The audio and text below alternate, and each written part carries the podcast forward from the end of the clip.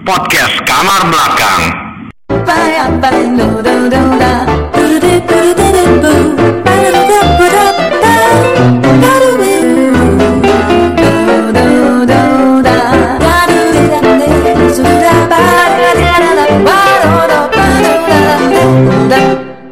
Seorang Pak Denny aja udah mager loh Opening dong. Podcastin bapak Udah Masih saya ada. ngopening, Pak. Iya apa Ayo, ayo Pak Jaha dimulai Pak Ayo, taruna taruna Pak Jaha taruna taruna. Dan taruna deh. Oke, balik lagi di podcast kamar belakang. Eh, suasana adem banget nih sekarang nih. Enak coy ini nih rumahnya akuarium gede banget ini akuarium Tadinya tadinya ada akuarium sini coy, lebih gede lagi. Cuman karena eh, sempit dan enggak ini akhirnya di, kan lagi. masih opening mas Oh iya, Masih percaya mas Lanjut, lanjut. Ah, ya nggak apa-apa, nggak apa-apa, nggak apa. Enggak mau riba ya. Iya, iya. Dia takut itu deta. Iya, bentar. Saya- gatal soalnya mulut saya, Pak. Iya, Tolong, Itu udah mulai tanda-tanda loh. Tapi saya senang yang gini sih. Iya Maksudnya. Jadi rame ya vibe-nya Ah, belum. Justru vibe dari narasumbernya yang bikin kita semangat ya Sebenarnya kita enaknya adalah yang pertama kita juga eh, pengen tuh satu kalau datang tuh nggak eh, udah dimodalin secara makanan. Hmm. Oh, iya. Karena memang bintang tamunya sekarang yang memang keluar terus, Hmm. bukannya bukannya kita yang bayar bintang tamu. Jadi terbalik ya, Pak ya. Iya. Jadi Justru kita malah di Be- endorse sampai sama- sampai di level opening pun bintang tamu yang opening. Oh. Kok nggak ada apa Gak ada kerjaannya hostnya berarti ya pak. Nah ini minum dapat tumpang makan nggak? Gratis. Lanjut lanjut pak. Waktu lu pertama kali naik pesawat, lu pernah trip kan ya? Yes, gue pernah. Jalan-jalan. Hmm. Tapi pertama kali gue waktu itu pertama kali gue naik pesawat memang ke eh, apa trip keluar sih keluar negeri langsung sih pada saat itu. wow keren luar negeri loh Yes, tapi gue nggak mau sebutin Cip, sebutin Iya. ya. Tapi pada saat itu memang eh, suasana itu haru biru pada saat itu. aduh biru Karena di saat eh, lu take off itu jantung lu berasa mau copot pada saat itu. Karena tiba-tiba di dia lari kenceng pesawatnya krrrr, lari kenceng tiba-tiba jantung lu tang dia langsung melayang di lari udara. terbang aja? Ya kayaknya sejenis terbang ya. Jadi lari lari kencang banget tuh. Lari kencang tiba-tiba langsung melayang di udara terus hati lu tuh berasa udah kayak anjir gue masih ada nggak sih ini? Gue masih hidup saat gue mau mati atau gimana? Tapi pengalaman pesawat itu memang menurut gue uh, pengalaman yang sangat enak dan mengerikan pada saat itu sih Oke, nih pas banget nih. Karena ngomongin soal dunia penerbangan, ada kita punya narasumber nih kebenaran. Ini mahal loh manggil dia loh. kita manggil pilot langsung atau gimana kenek kenek kenek pesawat tuh kalau Harusnya sih dia jadi pilot. Harusnya dia jadi pilot. Tapi nggak usah diinin duluan ya, nggak usah apa kalau nonton film dari kasih tau duluan. oh spoiler nggak Kita spoiler dengar dari dia aja langsung nih. ya emang uh, kalau boleh tahu itu dari mana sih bintang tamu kita pada malam ini Dari mana apanya? dari daerah mana asalnya mungkin asalnya Jauh. Oh ini dari mana ini? Yang dari daerah apa sih? Zimbabwe ya Zimbabwe. Enggak ya. Burkina Faso. Tanzania. Kuba Kuba Kuba, Tanzania. oke kita sambut aja Introduce aja Pak Luki coba Pak Pak Luki. Pak Siapa? introduce siapa ya Iya. Kita masalin subscribe aja. Gitu. oke Pak Rizky saya sebutin aja ya Halo. oke Halo malam Pak Rizky Halo malam. malam-malam Oh, ya nggak masalah, nggak masalah. Iya. Eh, Pak Rizky ini kan eh, kita kan lagi pengen sharing aja nih perihal Iya. dunia dirgantara ya Dunia dirgantara. Karena Nah. itu hal yang menurut gua gua nggak ada circle kayak gitu loh sampai Tapi menurut gue memang dunia dirgantara itu eh, oke dan keren menurut gue ya. Keren. Itu menurut versi gue ya. Memang keren banget. Nah kita kan mungkin sama Tahu. para listener nih pengen tahu nih itu di dunia dirgantara itu sebenarnya menarikkah atau biasa-biasa aja nih? Kita pengen tahu nih sharing dari Parisi. Parisi kan Oh, dulu pernah pengalaman pribadi saya dulu waktu Iya. masih sekolah pilot ya Pak. betul. karena doi ini pernah sekolah pilot. Oh, lulus tapi ya? Gagal Pak. Sedih ya. Ah, tapi Bor lu sekolah pilot pernah bawa pesawat Pernah. Pasti pernah ya? Pasti pernah. Kemarin pernah. Masa ya? ontel Pak. tapi Telepon ya? kapan pertama kali terinspirasi? Apakah pada saat jadi STM penerbangan apa gimana? Oh enggak, malah justru saya waktu sekolah itu saya nggak pernah sama, sama sekali ke jurusan penerbangan pak. Oke. Jadi saya dulu sekolah di 2 Mai, 2 Mai Ciputat. Oh, tahu. Oh, di MC Ya, dia. di Yang MC. Kevin itu Cowboy ya? Betul sekali pak. Iya. 2009 itu saya lulus sekolah. Hmm. Nah, ketika saya lulus sekolah, orang tua saya bertanya, abang kamu mau sekolah eh mau lanjut kuliah atau mau kerja nah saya berpikir di situ waktu itu saya pengen kerja dulu karena saya- gimana caranya saya pengen ngerasain cari duit sendiri pak JH Oke. Nah, karena waktu itu saya bak- bokap saya itu punya link di Bank BTN, akhirnya saya dimasukkan ke Bank BTN waktu itu, Pak. 2010 sebagai, teller. Oh. Nah, Terima ya. iya diterima gampang banget. Maksudnya itu gampang banget. Saya itu satu-satunya orang mungkin yang pelamar yang diantar ke HO tuh naik mobil ba- Bank BTN-nya, Pak. Karena memang Ada akses. ya. dari akses. sekian banyak pelamar itu. sekian banyak Ada orang pelamar. dalam, Dan saya ya. juga nggak nggak nggak nggak dites apa-apa langsung masuk. Orang dalam ya. Orang dalam, Pak. Kalau boleh tahu tellernya ngitungin receh atau gimana? ngitungin koin, agak banyak ya. saya bagian di kamar belakang koin koin aja iya Kasih lakban gitu ya. bukan yang duit gede Tellernya ya. Tetep ya. Lanjut lah. lanjut Sempet ya kerja di bank juga ya. iya jadi 2010 itu saya masuk kerja di bank nah ketika saya kerja di bank itu orang tua saya bertanya lagi ke saya bang bapak ini punya temen pilot Hmm. dia buka sekolah penerbangan baru abang mau masuk nggak jadi pilot Itu umur berapa, Pak? Lulus lulus. iya lulus sekolah 2010 lah ya. 2010 -an. Kerjanya di di bank itu udah berapa bulan? ya mau setahun lah Oh, udah setahun, udah jalan iya mau setahun. setahun Estimasi 2010 2011 Iya, ya. sudah 10.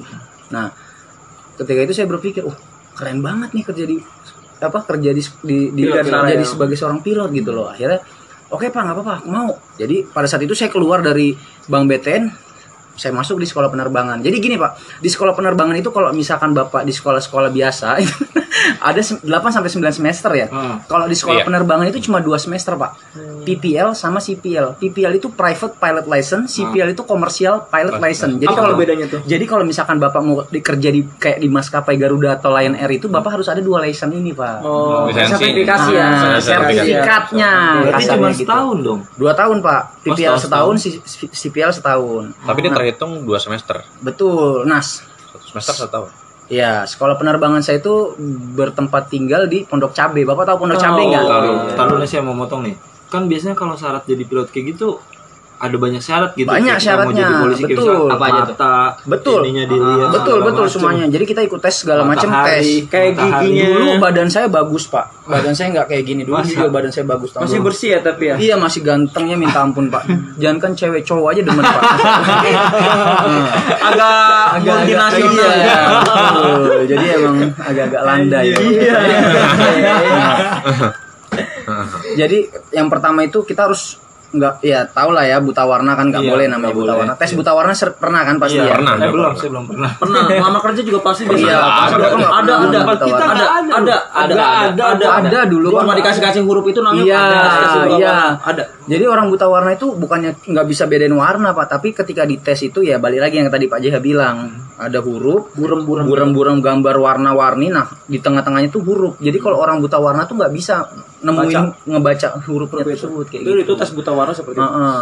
Bahkan pada saat itu saya tes ada salah satu anak juga anaknya jenderal JH. Wow, besar ya. Ah, dia buta warna. Tapi karena dia buta warna, walaupun anaknya jenderal dia tetap nggak lulus. Karena dia buta hati karena kayaknya. dia buta, buta warna pak. Bahaya sih Buta kalau hati ya. Iya, nggak bisa nggak bisa pilot itu nggak boleh buta warna. Nah, Kalau buta dari si gua hantu. Beda lagi pak. Maaf sih. lanjut lagi, saya boleh lanjut lagi pak. Abaikan saja ya. Lanjut saja ya, abaikan saja ya. Iya. Jadi 2010 itu saya masuk ke sekolah penerbangan PPL Private Pilot License. Jadi yang di yang di yang dipelajari ya biasa sih seputar penerbangan, seputar pesawat, seputar Semua dasarnya cuaca. ya. Iya, dasar-dasar penerbangan sih Kayak Pak. teori-teori lah ya. Ini Betul. saya potong lagi nih. Cowok semua itu. Ada ceweknya. Ada. Ada tiga orang ceweknya, Pak. Angkatan Bapak kurang lebih berapa tuh berapa orang? Angkatan saya 20 orang kalau nggak 20 salah orang, ada 20-an ceweknya. sekian lah iya memang ceweknya satu Oh, satu. Heeh. Sekarang juga pilot udah banyak yang cewek kok. banyak banyak banyak banget cewek pilot yang cewek sekarang. ada nah boleh saya lanjut lagi pak Oh, iya, Bapak banyak mencela ya pak ya saya lupa jadi saya ngomong apa nih ya nah peminang lah. iya jadi ya biasa lah kalau kita belajar penerbangan itu biasa hal biasa nah Hmm. PPL itu saya jalan setahun pak Oke. Nah, karena sekolah saya masih baru, dia belum ada izin dari Departemen Perhubungan namanya SOC AOC. Nah, izinnya tuh AOC namanya. Bapak angkatan pertama di Jadi sekolah saya belum ada izin tapi udah bangun sekolah dan udah nerima murid gitu loh Pak. Jadi ilegal kayaknya ya, Mas, ya? betul. Jadi jatuhnya ilegal karena belum ada izinnya Pak. Tapi tet- tetap buka buka. Nah karena jadi asal muasal kenapa dia buka sekolah penerbangan ini karena yang punya sekolah dulu Pak itu captain pilot juga. Nah dia buat satu satu sekolah namanya eh, Nusa eh, NFI Nusa Flying International. Nah ketika Nusa Flying International ini sudah ada di puncaknya, yang punya sekolah ini malah ditendang pak keluar. Oh. Akhirnya dia buat sekolah baru namanya Raja Wali Citra Nusa Flying School. Nah itu saya ada di dalamnya. Tapi Bapak angkatan pertama pada Angkatan saat itu? pertama saya pak, angkatan pertama. Nah setelah lanjut lagi ya pak ya, saya PPL segala macam belajar loguran. Jadi kegiatan saya itu setiap pagi tuh pak bangun jam 5 pagi, jam 5 pagi itu kita udah olahraga lari fisik, jam 7, jam 6 itu kita udah selesai, jam 7 kita masuk kelas, jam 12 kita istirahat siang, jam 1 kita masuk lagi sampai jam 5, jam 5 itu kita keluar olahraga lagi sampai jam 6. Nah, jam udah terus kayak gitu terus, Pak. Oh, di asrama berarti? di asrama. Oh. Jadi asrama saya itu sebelahnya itu rumah si kapten pilotnya. Oh. Kayak gitu. Nah, sampai satu ketika pelajaran terakhir di satu periode itu, Pak. Jadi ada yang namanya pelajaran jungle and survival. Paling saya udah sering banget cerita sama kalian ya waktu itu ya kalau nggak salah ya. Belum. Jadi belum ya. Belum. Jadi seumpama kalau pesawat kita crash atau jatuh di hutan maupun di lautan, nah kita harus bertahan hidup kalau kita hidup Pak di sana kayak gitu loh. Kayak tentara dong. Betul. Dengan cara apa tuh lu survivalnya? Nah, waktu itu saya jungle and survival itu di Purwakarta di Waduk Jatiluhur Pak JH. Nyari Selama dua, selama dua minggu. Ini yang pengalaman mungkin gak banyak orang dapat Pak. Jujur sekali benar saya. Apa tuh? Jadi seminggu saya di gunung, seminggu saya di danau. Seminggu itu kita naik turun gunung, nggak dikasih persediaan makanan. Seum- jadi kita naik turun gunung, kita bawa ransel, ranselnya itu batu isinya. Jadi seumpama kita ketemu makanan di atas tuh buah-buahan yang gua nggak tahu namanya apa, itu boleh dimakan, ya kita makan gitu loh. Jadi ada juga yang ngawasin kita, nah, yang ngawasin kita tuh eh, pasukan khusus intai amfibi angkatan laut waktu itu pak. Nah seminggu kita di lapangan itu saya ngerasain benar-benar yang namanya tenggorokan itu aus aus ausnya nggak ada air sama sekali Tidurnya di mana itu, Bapak? Udah tidur kalau malam itu udah geletak aja di di hutan. Ngampar Pak. ya? Iya. Tenda nggak ada apa? Nggak ada tenda nggak ada apa-apa. Survival kan. Survival. Jadi benar-benar kita tuh di- benar-benar dikondisikan ya hidup di hutan gitu loh Terdampar benar. gitu ya? Iya, terdampar di hutan. Nah, seminggu di danau masih oke Pak seminggu di danau. Karena Nah, air. iya, enggak. Seminggu berikutnya masuk ke danau, Pak. Bayangin, Bapak satu jam direndam di air aja, kedinginannya udah kayak apa tahu ya. Saya satu minggu Pak di danau, Pak. Direndam. Satu minggu di danau, cuma dikasih pelampung. Nah, itu kita 20 orang tuh nyelam di situ, Pak.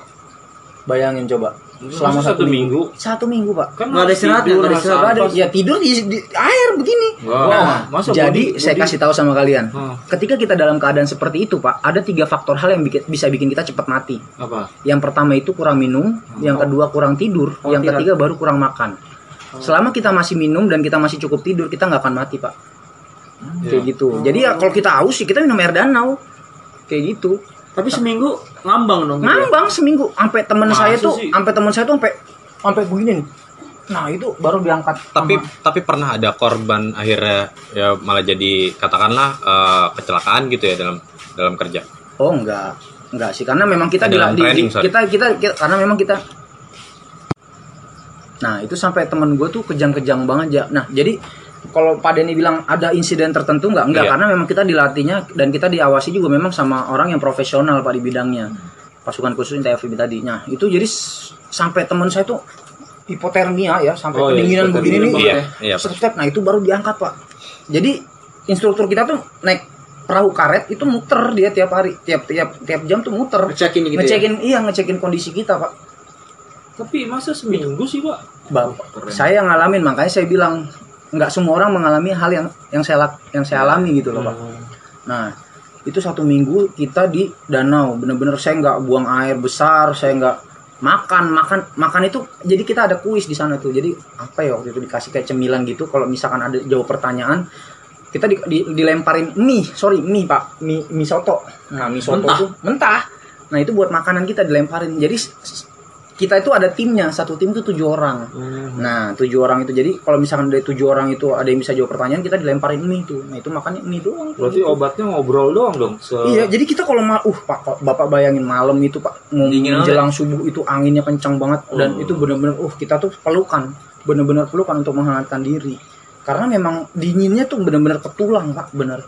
Itu gua sampai nangis loh. Gua pas malamnya itu gua pas di danau itu gua mikir "Nih, orang orang rumah gua tuh lagi pada ngapain, enak banget tidur nyenyak gitu loh. Ini gua di sini kayak udah mau mati anjing di sini tuh kayak gitu. Gua ngerasain sampai kayak gitu bang. Pernah gua ngalamin situasi kayak gitu. Nah satu minggu di danau selesai kita ditarik pak naik ke atas Wah, itu badan kayak gimana itu biru Wah badan udah kaku semua pak. Ta- Jalan karena semua. betul karena sebelum dari situ kita ada yang namanya prajanggal. Jadi fisik kita memang udah digojlok dulu pak. Jadi untuk untuk nggak kaget, basic. ah untuk nggak kaget. oh iya Heeh, jadi sebelum itu kita udah fisik kita udah kuat. Jadi ya itu oke lah. Jadi tibalah malam terakhir ketika kita besok mau pulang. Oh, ada ya, namanya pasti. renungan malam pak. Nah, Nangis-nangis pasti ya. Muhasabah. Iya, ya? jadi gini Pak, maghrib itu kita disuruh tidur. Eh sorry, sore, sore kita disuruh tidur. Tidurnya tuh jadi ini danau Pak. Nah ini bukit nih. Nah bukit itu kita pinggir-pinggir danau tuh tidur Pak di sini Pak. Belakangnya tuh hutan belantara. Ba- ada kuburan kuno kalau nggak salah tuh inget banget. Jadi ketika maghrib itu saya dibangunin satu persatu sama instrukturnya. Hmm. Mah, mah, mah. Gue ada kode Morse namanya lupa gue kode apa gitu. Jadi setiap orang tuh ada kodenya Iya. ini gue di, ditempelin menyan pak saya pak. Ditempelin menyan segala macam. ya. Iya apa? ditempelin menyan. Jadi ditempelin menyan Hmm. nah ini lu baca. Ini bahasa Inggris nih. Bahasa Inggris kan? Ini lu baca lu hafalin. Nah ini ada tali. Lu ikutin sampai ujung sana kata dia. Nah jadi gue di, harus ngafalin. Nah gue ngikutin tali masuk ke hutan belantara yang gelapnya minta ampun. Hmm. gue tuh bener-bener kayak begini nih pak jalan nih. Nggak ada cahaya sama sekali. Karena Iya, gelap ya, kita gelap gelap. banget nah gue nggak ngeliat itu ada putih-putih apa segala macam kuburan kuburan itu gue nggak tahu instrukturnya ngerjain atau apa gue ngeliat kuntilanak apa segala macam bodo amat tapi ini tuh harus hafal gitu loh nah ketika gue sampai ada jalan Lu jauh jalan merem apa Nggak gelap karena saking gelapnya. Melek, melek, Saking tapi- gelap. Melek, tapi karena Jadi- gelap. Di hutan iya, gitu ya, di hutan. Di hutan gitu. Banget. ya cuman jadi jangan sampai lepas yang penting talinya nih kita ikutin tali aja terus nih tapi sambil ngapalin misalnya. jauh jalannya tuh jauh banget sampai dari ujung ujung bukit sampai ujung bukit sana gitu loh kasarnya jalan sambil hafal nah ketika kita udah sampai sampai ujung nah ditanya sama instrukturnya tadi dikasih dikasih clue apa nah kita harus hafal nah gue bingung dong kita harus kita kenapa harus melakukan hal itu ternyata itu ada ilmunya pak sebagai seorang pilot apa jadi mau dalam situasi atau kondisi Harus apa pun, iya kita harus tetap fokus dan tenang, tenang dan fokus. Jadi lu tau lah kita utang belantaran ada ular ada apa segala macam ada setan. Nah kita harus fokus sama apa yang kita kita hafal Kerjakan gitu ya. loh. Iya kita kerjakan. Untung gua hafal waktu itu gua kerjain. Nah yang gak hafal itu akhirnya malamnya itu disuruh tidur di atas pohon. Nah, besoknya gua pulang, uh gua nangis bener tuh selesai itu dari situ tuh nangis bener-bener gua nangis. nangis kenapa Karena terharu Ya pada saat gimana itu ya pak? Iya Bisa terharu. ngelewatin satu Iya bisa ngelewatin kayak ngelewatin gitu tuh bener-bener bikin wah gila. Nah tapi selesai dari situ mental gue tuh terasa gitu. Beda- Jiwa beda korsa gue tuh wah Iya. gue ngelawan siapa aja gue berani gitu Jiwa kasarnya. Iya jiwa korsa gue tuh wah gue melawan lima orang juga gue masih berani gitu kasarnya namanya. Mungkin ya, ya tentara atau polisi yang baru pelatihan pasti akan melakukan apa Iya. merasakan hal yang sama kayak Iya, gitu iya. lah. ya. Nah. Saya pernah ngeliat pelatihan. Tapi ah, sorry, eh, itu setiap eh, sekolah pilot apakah seperti itu Iya, semua atau pasti gimana? ada pelajaran Oh, kurikulum pelajaran jungle terstandar ya? survival. Iya, itu ada, pas, Ada pasti ya? ada. Pasti ada setiap Nah terus kalau boleh tahu kapan latihan penerbangannya tuh? Saya pengen tahu banget. Nah, itu yang sebelum dari sekolah apa jungle sea survival itu, Oh, Pak. berarti sebelum atau Sebelumnya. itu? Oh, berarti sebelum jungle itu, sudah. latihan pilot. Iya, latihan itu latihan. pilot. Jadi sebelum kita naik pesawat itu kita ada simulator.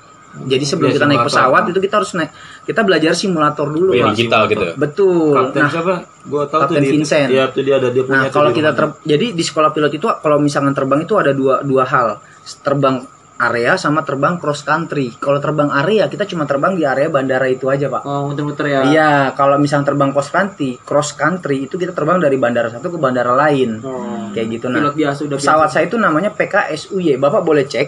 Ini ini berkaitan dengan Kapten Vincent yang Bapak omongin tadi ya, Pak. Jadi ketika saya belajar sekolah penerbangan ada yang namanya pelajaran radio teleponi. Kalau radio teleponi itu an- jadi kita komunikasi antara si pilot sama si ATC oh iya menara. Si menaranya itu Iya, nah. iya. nah saya waktu itu dia, di, di- di- diajarkan ada satu video rekaman. Nah rekaman itu perbincangan antara si pilot sama ATC nah ternyata itu adalah perbincangan si Captain Vincent coy yang direkam di YouTube-nya dia.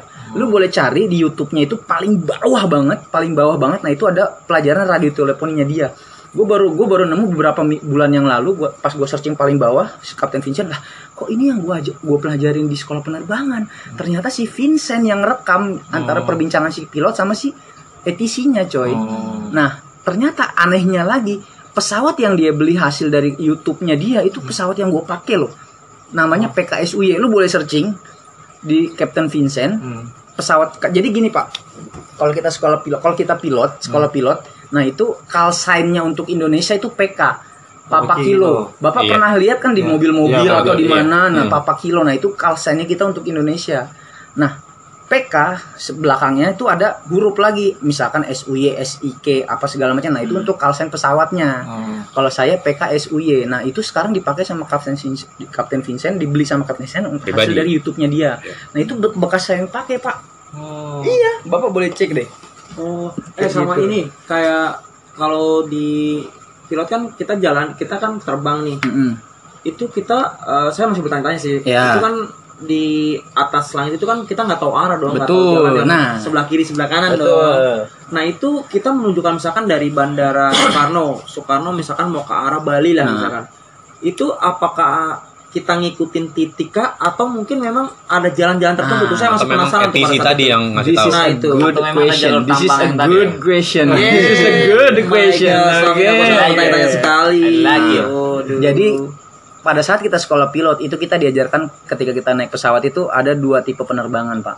Yang pertama itu VFR dan yang kedua itu IFR. Alhamdulillah gue masih ingat. Kalau banyak, banyak istilah. banyak istilahnya ya pak ya bikin pusing ya pak. Saya pusing loh pak. Saya ini kalau belajar nih ini rumus bahasa Inggris nih kamus bahasa Inggris. Nah ini apa buku buku pilotnya nih pak segini pak.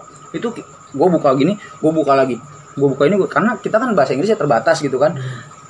Dan ka- kalimat-kalimat yang dipakai di sekolah penerbangan tuh agak sedikit beda pak sama sama Oh, iya. ah, kata kalimat yang kita Khusus, ah, yang khusus, kita ya. pakai gitu Khusus, loh. khusus, Iya ya. jadi memang buka buka buka. Nah, ada VFR dan IFR. IFR itu instrument flight rule dan VFR itu visual flight rule pak. Jadi kita terbang itu misalkan si bap saya jalan sama bapak nih sebagai instrukturnya nih. Instrukturnya bilang, "Woi, lu terbang VFR ya."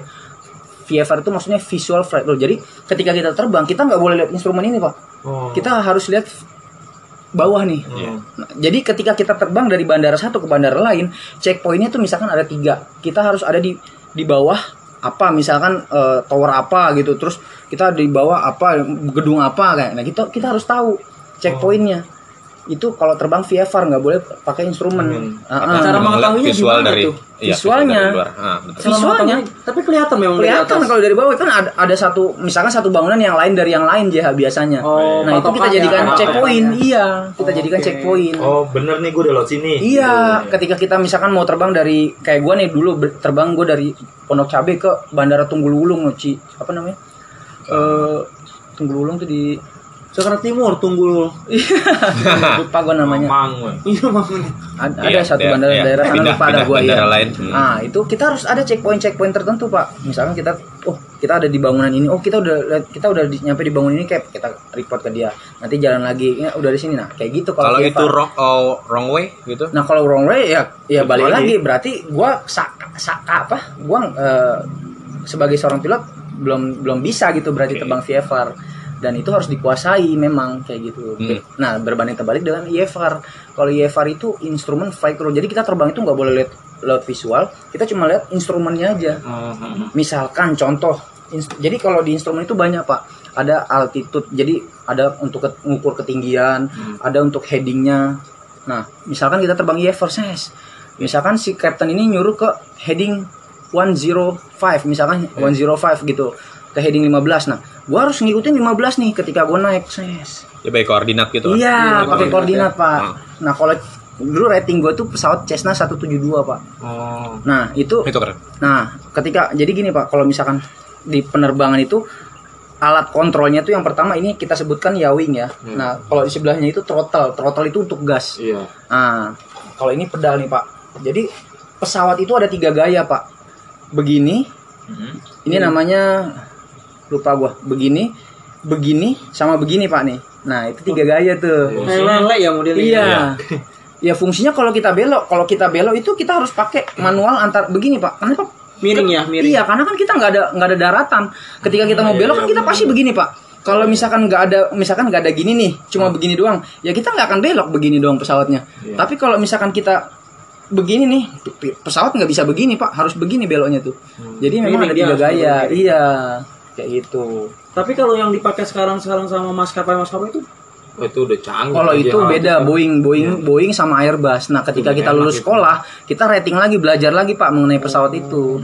Kayak Berat gitu. ya berarti ya. Boeing Iya. pasti ibu untuk penumpang kan ya. Boeing untuk Iya. penumpang. Ini kita seputaran bapak aja kita mau Iya, soalnya. kayak gitu. Mhm. Nah, Kenapa? itu sampai di mana tadi, Pak? Sampai Boeing. Boeing ya. Boeing dan itu sampai ya itu kita belum bicara sampai yang gagal ya, Pak ya. Iya, Kita baru yang- sampai tadi Ini yang masih tadi ya, abis ini masih teori-teori masih ya. teorinya. Teorinya. Narik-narik itu, narik-narik di hutan. Nah, dari hutan. Jadi setelah dari situ Flashback ya. Iya setelah dari situ situ saya nangis benar-benar karena saya ngerasain apa yang mungkin nggak orang lain rasa, rasakan pak. Nah setelah dari situ kita libur satu bulan pak. Nah, Hmm. kita pulang dah tuh ya kan. Pak lagi. Selamanya ya, selamanya. Pak. Iya. Jadi ketika kita libur satu bulan, Bapak maka- libur tuh gimana ngabisin waktunya? Ya Senang, pokoknya senang lah pokoknya itu jujur pak kalau bapak Pak. lihat saya dulu itu hitamnya benar-benar kulit itu sampai ngelotok semua hitam banget badan saya karena memang panas terik matahari pak kita langsung kena matahari benar-benar gosong sekali tuh nah libur satu bulan ketika kita masuk ternyata sekolahnya sepi pak Bapak bertanya-tanya gimana? oh, Nah, mungkin ini- belum ada masuk iya, ya. ini mungkin nggak masuk nih kita masih oke lah tanggal. iya masih Tanggal merah. satu hari dua hari kok kita liatin kok nggak ada nih yang punya sekolah pun si kapten pilot nggak ada di rumah rumahnya itu udah kosong ya Oh, dibawa barang sudah barang dibawa. iya barang-barangnya nggak ada Iya, iya. Oke, nah oke. kita tanya dong sama kepala sekolahnya kan ada kepala sekolah ada instruktur terbangnya juga dong Iya. nah si instruktur terbang dan kepala sekolahnya juga nggak tahu apa-apa bingung dong Nah, kita kan bingung bingung. oh kita udah gulana lah itu selama beberapa hari. Sampai eh, presiden pilot Indonesia tuh pilot Garuda tuh datang pak ke kita pak. Maksudnya sampai datang gitu maksudnya eh, meninjau gitu. Ini kenapa sekolah ini gitu loh. Ya udah kita ceritakan gini gini gini gini gini. Ya beliau menyarankan untuk pindah sekolah penerbangan lagi teman-teman saya yang notabene orang pada eh, bapaknya ibunya orang-orang kaya yang kayak di bea cukai apa segala macam pindah sekolah pak memang. Oh iya, karena mereka harus menyelesaikan. betul. Hmm. tapi karena keterbatasan keuangan yang dimiliki oleh orang tua saya saya sempat nanya pak sama orang tua saya saya gini pak ini sekolahnya udah bangkrut gak akan bisa lagi. Bapak masih punya uang nggak? Kalau bapak masih punya uang aku masih mau jadi sekolah aku masih mau sekolah pilot gue bilang gitu. Nggak tahu kenapa pak aku udah terlalu cinta sama dunia penerbangan gue bilang kayak gitu. Iya gue nah, kayak gitu gue bilang. Bokap gue jawabnya kayak gini bang kalau untuk sekolah pilot bapak udah nggak sanggup katanya. Dulu lu tahu nggak habis berapa? 450 juta pak saya pak. Bayangin coba 450 juta Memang sekolah pilot. Bapak Bukannya udah- waktu pilot itu biasanya yang ada di Curug ya, itu Curug juga kalau curug itu negeri jah Oh, negeri ya. kalau sekolah gue swasta. Curug ya. iya. Ya, setahu gue Curug beda. ada sih. kalau negeri itu memang susah banget masuknya dan memang harus IPA jurusannya. Kalau gue kan IPS dulu. Kebetulan temen gue dari situ dan lulus. Iya. Itu susah banget, pinter temen lu berarti. Nah, gue bilang gitu sama bokap gue. Bokap gue jawab, kalau untuk sekolah pilot bapak udah nggak sanggup bang. Tapi kalau abang mau kuliah biasa, bapak masih sanggup. Gue bilang gitu. Kata bokap gue, ya mau gimana dong ya kan keterbatasan keuangan. Akhirnya Iya. gue bilang sama bokap gue, pak ya udah, gua aku kuliah aja. Gue bilang gitu kan. Nah, Bapak ketika gue kuliah satu minggu, gue karena gue nggak mau pakai uang yang banyak gitu untuk kuliah, akhirnya gue coba di Unpam JH waktu itu. Oh. Nah, gue kuliah di Unpam waktu 2000 itu. berapa tuh? Grade jatuh grade ya. 2013 Grade 2013. jauh ya. Iya. Grade-nya jauh Grade ya. jauh ya, Pak ya. Barang saya berarti Iya. gitu. Itu gua kuliah satu minggu, gua udah nggak kuat ya. Gua nggak betah. Oh, lebih serem daripada sekolah penerbangan. Bukan karena passion Wah, saya masih ya? di penerbangan, Pak. Oke. Oh, Passion apa saya- ini dunia apa? Iya, gitu saya ngerasa kalau ini Dia bukan nggak passion nyatu, gua dia gitu loh. nyatu, Ini bukan nyatu. sesuatu yang gua pengen gitu. Apa bukan jurusan yang diambil saat itu? Apa ya dulu ya? Aku Mungkin siapa? kebidanan Bang. Lupa gua juga. Karena ya ya? iya. Oh, iya. berarti. gue Iya, ngerasa betul. passion gue tuh masih di sekolah penerbangan gitu bro akhirnya gue satu minggu udah udah ngelamar udah apa udah masuk akhirnya gue nggak kuliah lagi coba gue keluar dari kuliah gue bilang sama gue yaudah pak aku mau kerja aja gue bilang gitu. kalau bapak nggak sanggup sekolahin aku pilot aku mau pakai uang aku sendiri gue bilang gitu untuk sekolah penerbangan aku mau kerja dulu gue bilang akhirnya gue kerja waktu itu nah itu udah ceritanya beda lagi pak sama sekolah pilot. Oh, kita potong di sini aja. ya, intinya Jadi ada part dua sekolah ya. gua gagal bukan karena pribadinya gua tapi karena Iya, memang kesalahan karena dari memang- sekolahnya. Oke, oke. bapak tahu nggak pak? Sa- saya ngerasa waktu saya sekolah itu mungkin saya ngerasa saya yang paling bodoh di antara teman-teman yang lain. Jadi ketika jam 7 malam anak-anak yang lain itu pada pada keluar jalan-jalan makan di McD apa segala macam saya tuh enggak pak saya tuh masih buka pelajaran yang tadi pak yang tadi pagi tuh saking saya mungkin telat apa enggak Ketinggalan Iya, gitu ya. bukan ketinggalan pak saya Lemot ya. nah Lagi pula seneng Mungkin karena saya lemot gitu. Daya saya ngerasa aja. daya tangkap saya tuh masih kurang gitu. Akhirnya saya buka lagi yang tadi. Jadi setiap malam tuh saya ngelakuin hal yang sama. Jadi ketika malam tuh saya buka pelajaran yang tadi. Gimana caranya? Gimana caranya gue harus tak bener-bener sampai ngelotok gitu loh kasarnya karena ini uang yang udah masuk nih nggak murah gitu loh untuk dikit. sekolah penerbangan gue gitu loh Bagus sih, Gua nggak prihatin. mau iya gue nggak mau ngecewain orang tua gue gitu yang udah nyokolain gue tuh sampai 450 juta Itu berapa lama sih itu? itu 2012 2011 2012 450 juta gede loh jahat Tapi satu tahun dong berarti pas satu tahun pak satu tahun saya nah Itu jadi ya, gitu. jadi tapi. Nah, sialnya saya, sialnya gua aja. Jadi kalau jadi kalau misalkan kita lulus dari sekolah pener sorry, lulus dari Jungle NC Survival itu harusnya itu kita dapat sertifikat PPL JH. Iya. Si license tadi. License-nya dapat- itu. Seenggaknya lu dapat PPL-nya Iya, kan harusnya. tapi ternyata berhubung sekolahnya udah bangkrut, gua nggak dapet. Nah, kalau gua dapet itu, gua bisa kerja di kayak lu tau nggak kayak pesawat-pesawat yang nyiram Iya. ladang, Iya. nah kayak gitu itu kayak PPL tuh bisa. Gaji 8 juta 10 juta nggak masalah gitu loh ya. ladang-ladang gitu. Iya nyemprot nyemprot ladang kayak gitu pilot pilot Pestisida nyemprot ladang gitu ya. pestisida kayak gitu gitu tuh masih bisa aja nggak di maskapai nah, nanti di maskapai tapi ya. iya nanti tinggal gua sekolah CPL lagi gitu loh Tapi pakai uang pada gitu. saat itu waktu kalau mau masuk situ ya. oh pakai apa Ya mau ladang pakai iya. WFH.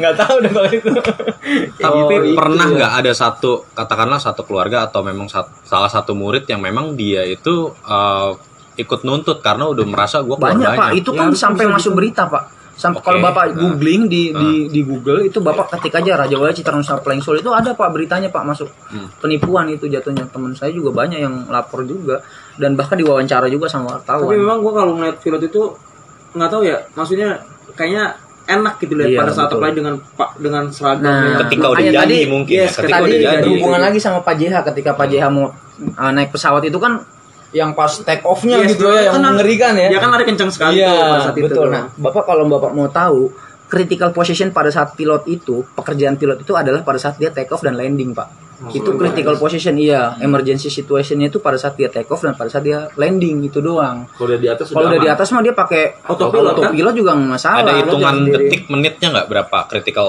uh, positionnya itu Jadi kalau di Boeing itu saya kurang tahu ya, tapi kalau misalkan di Cessna itu Pak, jadi ketika kita mau take off gitu, Iya. itu kan ada knot kan, hitungannya Iya, per betul, knot kan. per knot. Nah, jadi kalau kita knot kita tuh dari 0 10 20 sa- gas kita gas itu sampai 70 Pak. Nah, itu baru kita boleh tarik tuh Pak. Oh, Sebelum 70 nggak Iya, boleh ditarik iya. tuh. Jadi ketika udah tuh menyentuh angka 70 baru kita boleh tarik pelan-pelan. Dan itu ngangkat. Ngangkat dia. Jadi kayak ada hitungan. Tapi kalau di Boeing gua nggak tahu karena gua belum rating ke sana gitu. Karena baru di Cessna. Jadi 70 itu kita udah naik. Ses, Kayak gitu, Pak. Dan itu pengalaman pribadi. Aduh, itu Tapi memang kita harus sih. berani ketinggian ya. harus berani ya. ketinggian. Karena kan itu udah udah melayang Ah, di udara. Itu ada pelajaran parasut juga dong. Nggak ada, Pak. Emang saya sekolah eh, ini militer. itu kan kalau jatuh jatuh mati-mati aja, Pak. Nggak ada, nggak ada. Pakai parasut juga. Nggak usah parasut, emang lu bisa Kecuali lu pesawat tempur. Iya. gitu, nggak bisa Tapi gue pernah ya. Jadi ketika ada ketika gue belajar, gue diliatin satu satu momen G-force, Pak. Bapak tahu G-force nggak? Gaya G. Jadi Saya tahu G-spot. G, bukan G. Istri Jadi, juga tahu sih. jadi kalau orang militer yang mau masuk sekolah militer itu penerbangan militer itu harus dites lulus ujian G-force. G-force itu lu kayak masuk di satu ruangan. Nah, itu dipakein apa? sabuk pengaman itu. Nah, lu tuh kayak ngerasa di, lu dibanting-banting begitu tau gak lu? jadi Nah, memang itu mukanya tuh kayak begitu coy, Oh iya iya gitu. iya iya. Ada itu, Iya, benar, itu pak. Nah itu lu kalau muntah itu lu nggak akan lulus kayak gitu kasarnya. Itu ada tuh pak, gue dikasih lihat pelajaran itu. Agak serem ya. Iya, jadi kayak lu di dalam itu dihantam. tapi apa yang kita rasakan doang kan bukan secara visual Iya. nggak kayak VR kan nggak enggak, pakai VR kan Enggak. Enggak tahu udah gue juga. dirasain pada saat itu Iya, perasaan. iya. Jadi kita kita dibanting bener-bener. Nah itu kalau lu mabok ya lu nggak lulus Oh, gitu langsung fail kasarnya. Iya, G-force kayak gitu pak. Berat juga ya saat itu. Iya, ya. makanya. Di balik iya teman kawanan kita ini yang ceria segala macem. Iya, itu Historinya Bapak tahu nggak itu sampai saya dua tahun itu Pak, saya nggak keluar rumah Pak. Saya sempat saya sempat depresi Pak. Oh my god. itu saya merasa ini apa yang salah dari gua gitu loh. Gua udah ngikutin apa yang apa yang seharusnya gua lakukan gitu loh. Apa yang salah gitu loh. Gua sampai sampai pengen gila Pak, jujur aja Pak. Gua dua tahun itu nggak ke mana-mana karena gue mikir kenapa ah, kenapa gue bisa kenapa gue bisa nggak jadi gitu loh kasarnya. Gue udah udah ngelakuin apa yang apa yang seharusnya gitu loh kasarnya. Ada perasaan malu nggak sih sama kalau malu sih udah pasti pak. gitu. malu itu udah pasti pak. Karena kan orang-orang orang balik lagi orang-orang di sini juga kan tahu kalau gue sekolah pilot gitu loh kan dan kalau sekolah pilot otomatis lulus jadi pilot gitu iya kasarnya. harusnya gitu. Iya teman-teman gue ya gue gue yang paling penting adalah gue nggak mikirin malunya gue tapi yang gue pikirin adalah ini orang tua gue gitu loh. Orang tua gue udah udah udah Invest ibaratnya banyak udah mengeluarkan banyak uang udah punya cita-cita yang besar anaknya untuk jadi pilot tapi gue gagal gitu loh kasarnya jadi seorang pilot. Itu sempat bahkan dulu saya sempat berpikir kalau sampai gue mati nanti gue nggak bisa jadi pilot gue akan buat anak gue yang jadi pilot kayak gitu Oh sampai sampai gue tuh pengennya gue jadi pilot gitu loh kasarnya tuh. Gue nggak tahu gue udah terlalu cinta sama dunia penerbangan waktu itu. Gue tuh kalau ke, ke bandara tuh kalau ngeliat pilot bar 4 gitu tuh wah itu ganteng banget nggak Iya, tahu gua kenapa. juga seneng ganteng banget. banget orang jelek siapa pun kalau pakai Karena pakai baju putih. wah gantengnya dengan pakai sini. iya Tapi gue tetap demennya ngeliat pramugari sih. pramugari memang is the best tapi kalau kita ngomongin pramugari kalau bapak mau tahu ya pramugari yang paling nakal itu pramugari lain pak kenapa Apa bedanya dengan yang lain? nah Kok bisa tahu gitu, Pak? Nah, Iya, pengen ini tahu adalah apa gosip bedanya. di antara para pilot pak makanya part 2 aja kali ya enggak, langsung jod. Lan- lanjut aja Iya. Ya, apa ini, bedanya? Ini, ini makanya saya bilang ini adalah gosip di antara para pilot. Hmm. Jadi gini Pak, saya, saya saya saya sedikit analogikan ya Pak ya. Kalau pramugari itu kan dia punya gaji, dia punya jam terbang, dia punya uang makan, uang transport ya Pak ya. Iya. Nah, kalau gaji doang dia kecil Pak. Yang gede itu jam terbangnya Pak. Yes, berapa Nah. berapa jet bang? Iya, nah untuk dapat jam terbang itu dia harus jadi gini, kalau kita saya sebagai kapten nih, ketika saya mau terbang, saya yang pilih pramugari, Pak. Mau yang mana kan? Ah, kayak gitu. Nah, Emang iya. jadi ketika kita misal kita terbang ke misalkan kita terbang ke Bali nih, bukan saya yang ngerayu pramugari, Pak, pramugarinya ngerayu kapten. Enggak diajak terbang kan? Iya, kayak gitu. Makanya banyak banget pramugari-pramugari itu yang udah dicoblos Pak sama kapten.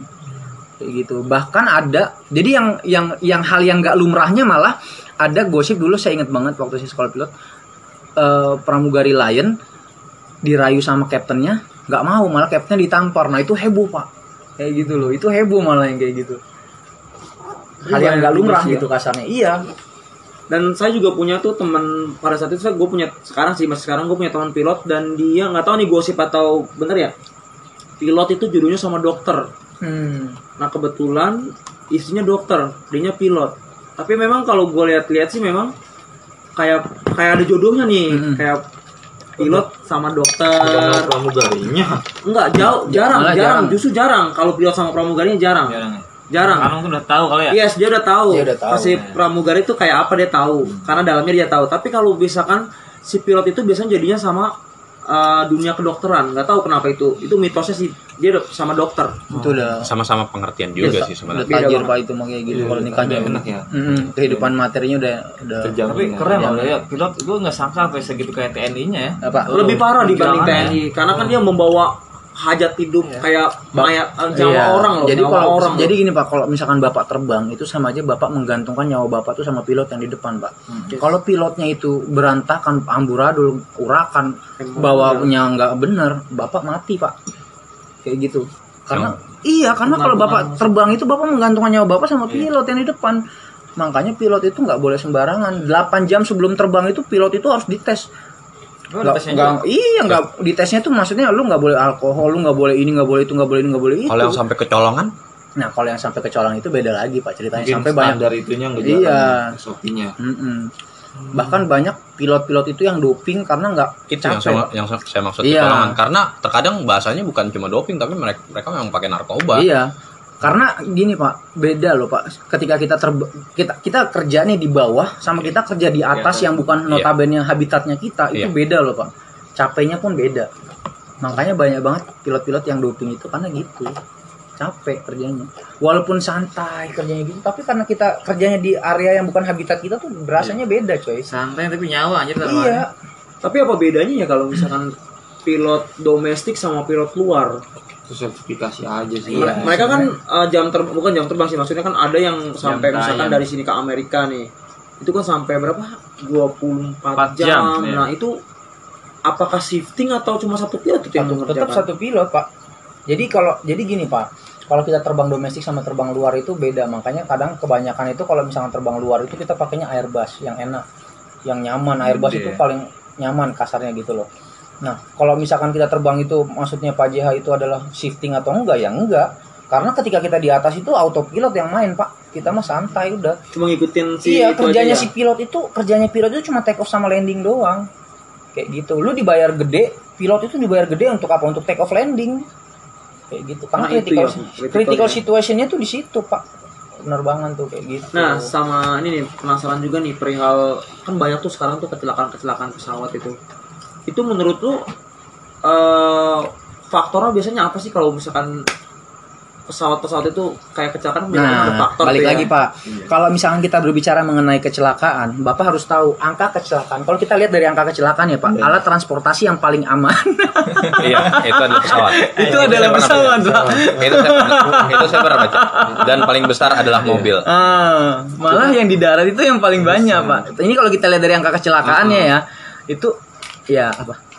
Udah terus Ya, terus. ya, jadi kalau kita lihat dari angka kecelakaannya itu pesawat adalah alat transportasi yang paling, Paling aman aman. di dunia. Kenapa tuh alasannya? Ya karena memang dilihat dari angka kecelakaannya itu paling Iya, dia sedikit, memang Pak. kata- Iya, Bapak lihat, Bapak emang lihat setiap hari kalau pesawat jatuh? Enggak kan? Tapi Iya. kalau kalau mobil, motor, nah itu kan pasti setiap hari juga kita lihat kecelakaan gitu loh. Tapi balik lagi ketika kecelakaan udah pasti 90% itu pasti akan mati kayak gitu. faktor human biasanya Nah, human. kalau kecelakaan itu ada dua faktor, Pak. Human error sama instrumennya error. Kayak gitu. rata-rata kalau di penerbangan Makanya banyak banyak gini Pak, pilot itu ketika dalam situasi emergency. Jadi gini, ada- kalau emergency itu kita ada dua Pak. Emergency situation kalau emergen kalau yang hal yang benar-benar fatal itu namanya aduh kodenya apa ya gue lupa.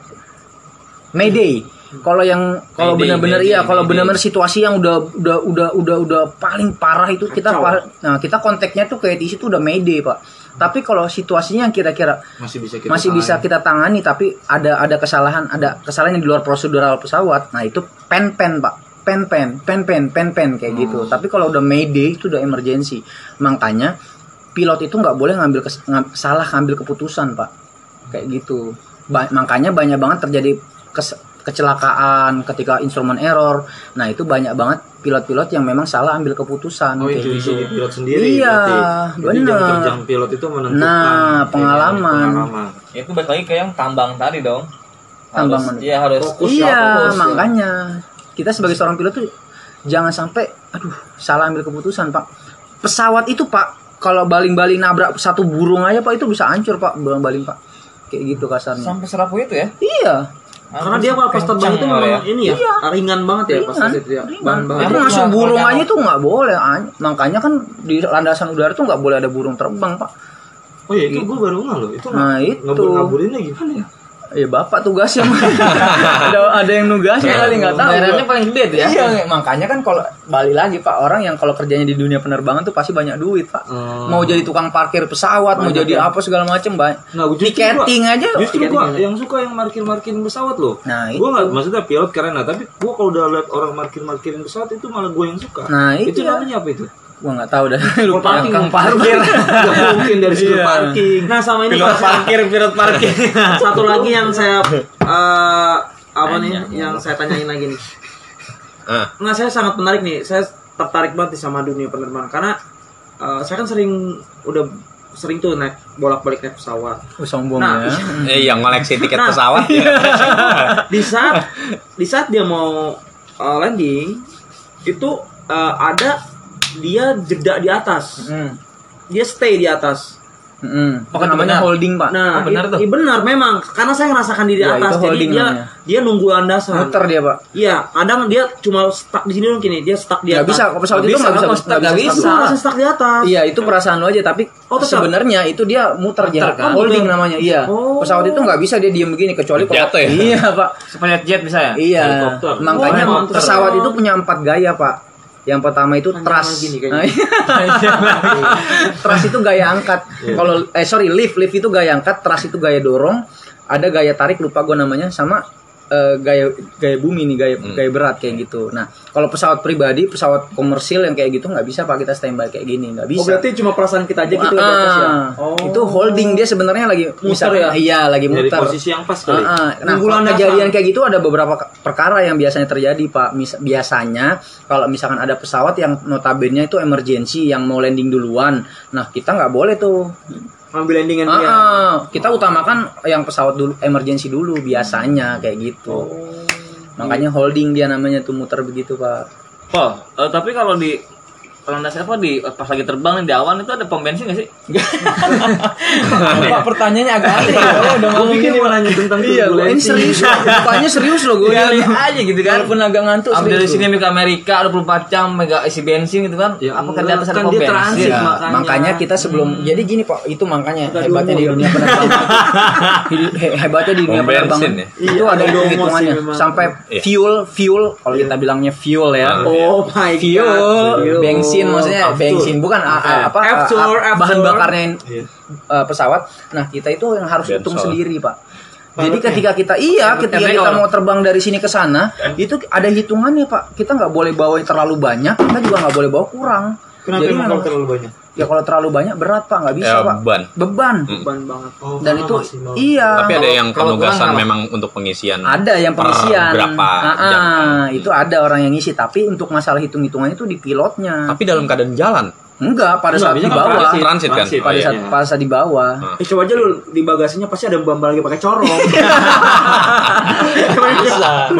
Pertalite.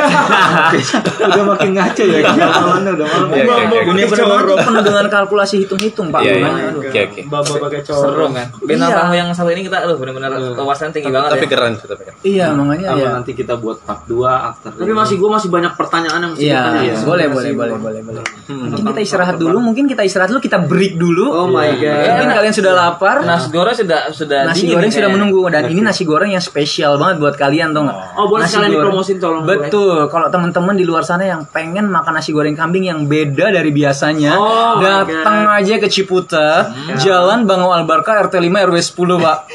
Ini dilayani sampai 24 jam. Akhirnya kita dapat iklan juga, coy. Jangan lupa ya. Nasi goreng kambing yang beda dari biasanya, Pak. Aduh.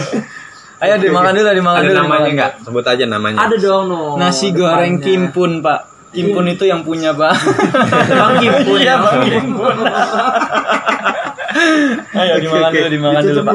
Mungkin kita ah, tutup dulu. Ditutup, Bor. Oke guys, sampai sini eh, episode kali ini Eh, apa ya? Banyak hal menarik Iya, ya. jangan lupa eh, saksikan terus apa podcast kami di Spotify. Eh, masih banyak keseruan-keseruan yang yang yang yang akan kami ceritakan. Yang nggak penting ya. yang nggak Yang nggak penting. penting. Eh, nanti mungkin ada ada part selanjutnya ya kolaborasi kita dengan dengan Rizky ini ya karena Betul, emang betul, betul. wawasannya sangat tinggi. Ini sekali. Dan Mungkin kita akan membahas hal enjoy. yang lainnya. Betul. bahas yang lain. Eh, tentang mungkin Antara gojo, nggak ada, ada emang apa di- memang dia tahu. Go- ah, mungkin gojo Iya. atau apa pun. Oke, oke. Oke. Kita aja dulu itu. Ayo Den. Lucu juga nutupnya. Ya, kita harus mundur undur diri dulu nih. Makanan udah menunggu. Anchor gak di mana? Hmm. Anchor tetap nih. Jadi ada dua sponsor di dalam satu video, ah, di dalam satu di dalam satu tapping. Oke, buat temen-temen yang memang suka banget nih, eh, kalau misalnya cuma ngobrol sambil ngumpul-ngumpul, pengen banget dong rasanya bikin podcast, mending langsung aja, Eh, udah langsung download Anchor atau cek di webnya anchor.fm.